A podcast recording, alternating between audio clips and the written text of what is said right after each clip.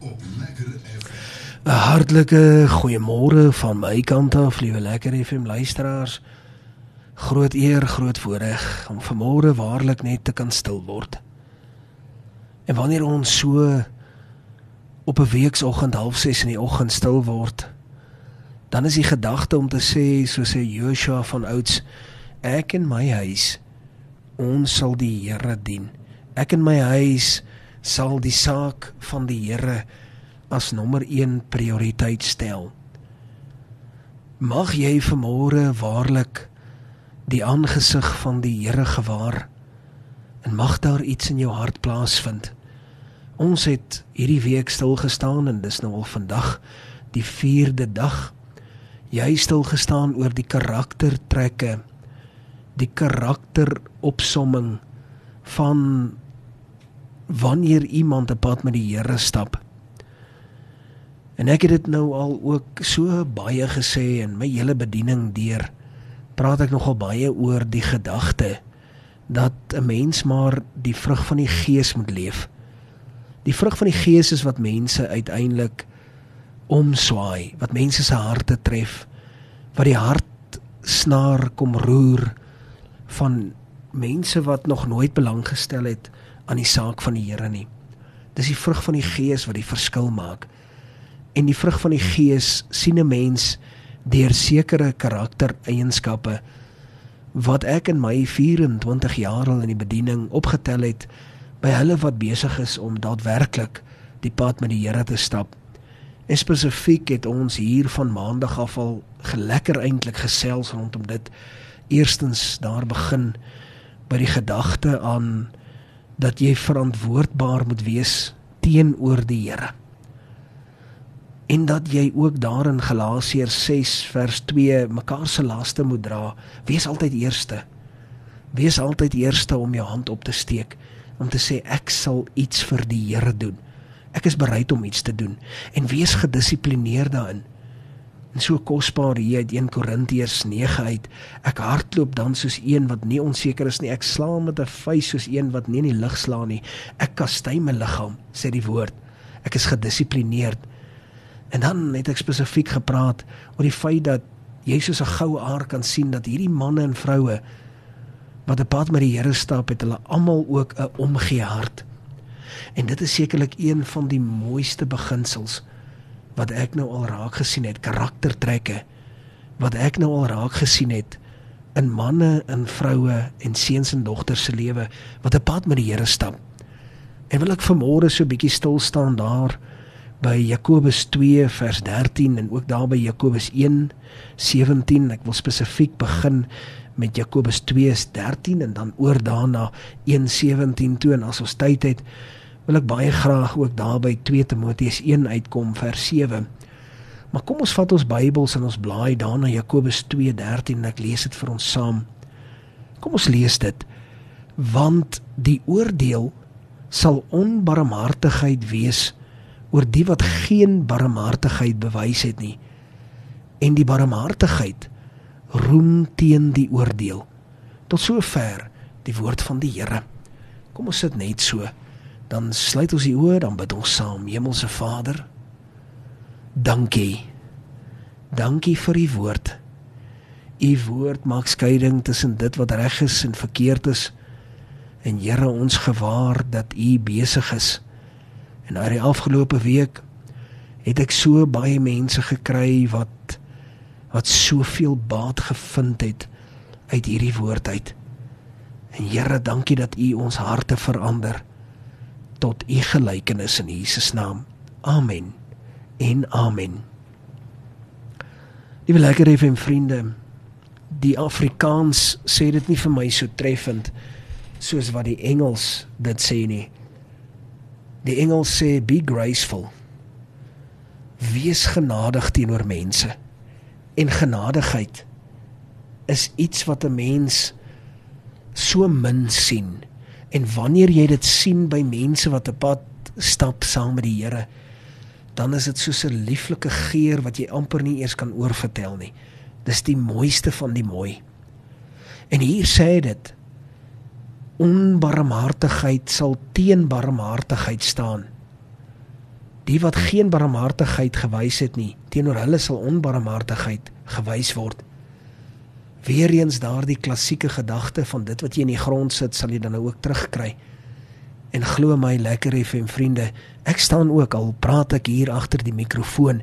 Ek staan ook in die ry en is vir my ook baie belangrik om weer eens te besef hoe belangrik dit is om barmhartig te wees, om genade te bewys. Want is dit nie so dat ek en jy genade nodig het nie? Ek en jy het genade nodig, liewe lekker FM luisteraars. Ons het so baie genade nodig, genade nodig. Ons dink baie maal ons is perfek. Ek het dit al so baie keer gesien. Ek vang myself waar jy dink ag nee, wat daar's niks fout met jou nie. Gaan vra vir die mense wat baie naby aan jou bly, hoeveel foute het jy? Dan sien jy hoe vinnig sal hulle vir jou lys maak van hoeveel foute jy het en hoeveel genade jy nodig het. Ons het almal genade nodig en as ons genade wil ontvang, behoort ons, ek wil amper sê beter ons, genade bewys. En dit maak net van jou 'n mooi mens met die vrug van die Gees as jy genade wys, as jy barmhartig is. As jy sien iemand het genade nodig, gee genade. Ek weet dit is nie altyd maklik nie. Ek het dit al baie beleef. Daar's tye waar mense dit glad nie wil doen nie. Maar dan moet 'n mens verstaan dat as ek wil hê ander moet dit vir my wys, moet ek dit ook vir ander gee. En baie treffend hier in Jakobus 1:17 elke goeie geskenk en elke volmaakte gawe daal van bo af neer van die Vader van die ligte by wie daar geen verandering of skade weer van omkering is nie. Elke goeie geskenk en elke goeie elke volmaakte gawe daal van bo af neer. Wat 'n wonderbare lieflikheid is dit nie as daar iemand is met 'n hart van dankbaarheid. Daar is 'n opgesluide goddelikheid in iemand wat dankbaar leef. Liewe lekker effe vriende, dink 'n bietjie. Gaan so deur, laat toe dat die gesigte van die mense wat jy ken in jou gedagtes so flits een na die ander. En dan dink jy aan daardie mens wat jy weet is dankbaar dan dink jy aan hoe jy voel teenoor daardie mens. Dan besef jy hoe wonderlik is dit as jy 'n man en 'n vrou van dankbaarheid is. As jy dankie kan sê. As jy vergenoeg kan wees. Ons almal behoort vergenoeg te wees met alles wat ons het. Liewe lekker FM luisteraars, ek wil jou vandag werklik waar motiveer om raak te sien en om te verstaan dat ons almal ons eie pad moet stap. Elkeen van ons het 'n unieke pad wat ons stap. Elkeen van ons se paie verskil met die een van die ander. Jy weet as jy nou mooi daaroor dink, as jy nou daar by die spar moet instap vanaand en daar is op enige gegeewe oomblik dalk 30 mense in die spar. Almal het uiteindelik uitgekom by die destinasie, by die spar. Maar elkeen van daardie 20 mense het op verskillende wyse gearriveer. Sommige het geloop, ander het met die fiets gery. Sommige mense het met hulle voertuie gery, iemand anderste dalk met 'n motorfiets gekom. Elkeen het 'n ander pad gevolg. Elkeen is van iewers waar waarvan die ander een nie is nie. En ons behoort in ons eie menswees dankbaar te wees want ons stap nie die pad van 'n ander nie. Ons stap die pad wat die Here uitgelê het vir ons. En dit maak van jou 'n vergenoegde mens as jy dit kan verstaan dat jou saak verskil van 'n ander een en dat jy nooit veronderstel is om jouself te vergelyk met ander nie. Mag jy vandag hierdie konsep verstaan deur die deur die hulp van die Heilige Gees, deur die leiding van die Heilige Gees. Ek wil baie graag vir jou lees hier vanuit 2 Timoteus 1 vers 7 en kosbaar. Hy sê hier want God het ons nie 'n gees van vreesagtigheid gegee nie, maar van krag en van liefde en van selfbeheersing. Ek wil graag vandag oor die gedeelte praat van krag. Dis nou een gedeelte uit hierdie vers wat niemand oor praat nie. En ek wil dit 'n karaktertrek noem van waagmoed. Gaan kyk maar. Mense wat uiteindelik 'n pad met die Here stap, is manne en vroue en kinders wat waagmoed het. Waagmoed om die regte ding te doen. Waagmoed om te getuig. Onthou, hy sê dit hier. Ons het nie 'n gees van vreesagtigheid ontvang nie, maar van krag. Waagmoed. Dit is mos nou niks anders as absolute reine opregte waagmoed nie. Jy weet ek sien dit so baie dat mense dink hulle geestelike lewe is privaat. Se saak tussen my en die Here. Mag ek gou vir jou 'n geheim meedeel? Dit is eintlik nie 'n geheim nie. Dat as jy kind van God is, is dit niks privaat nie.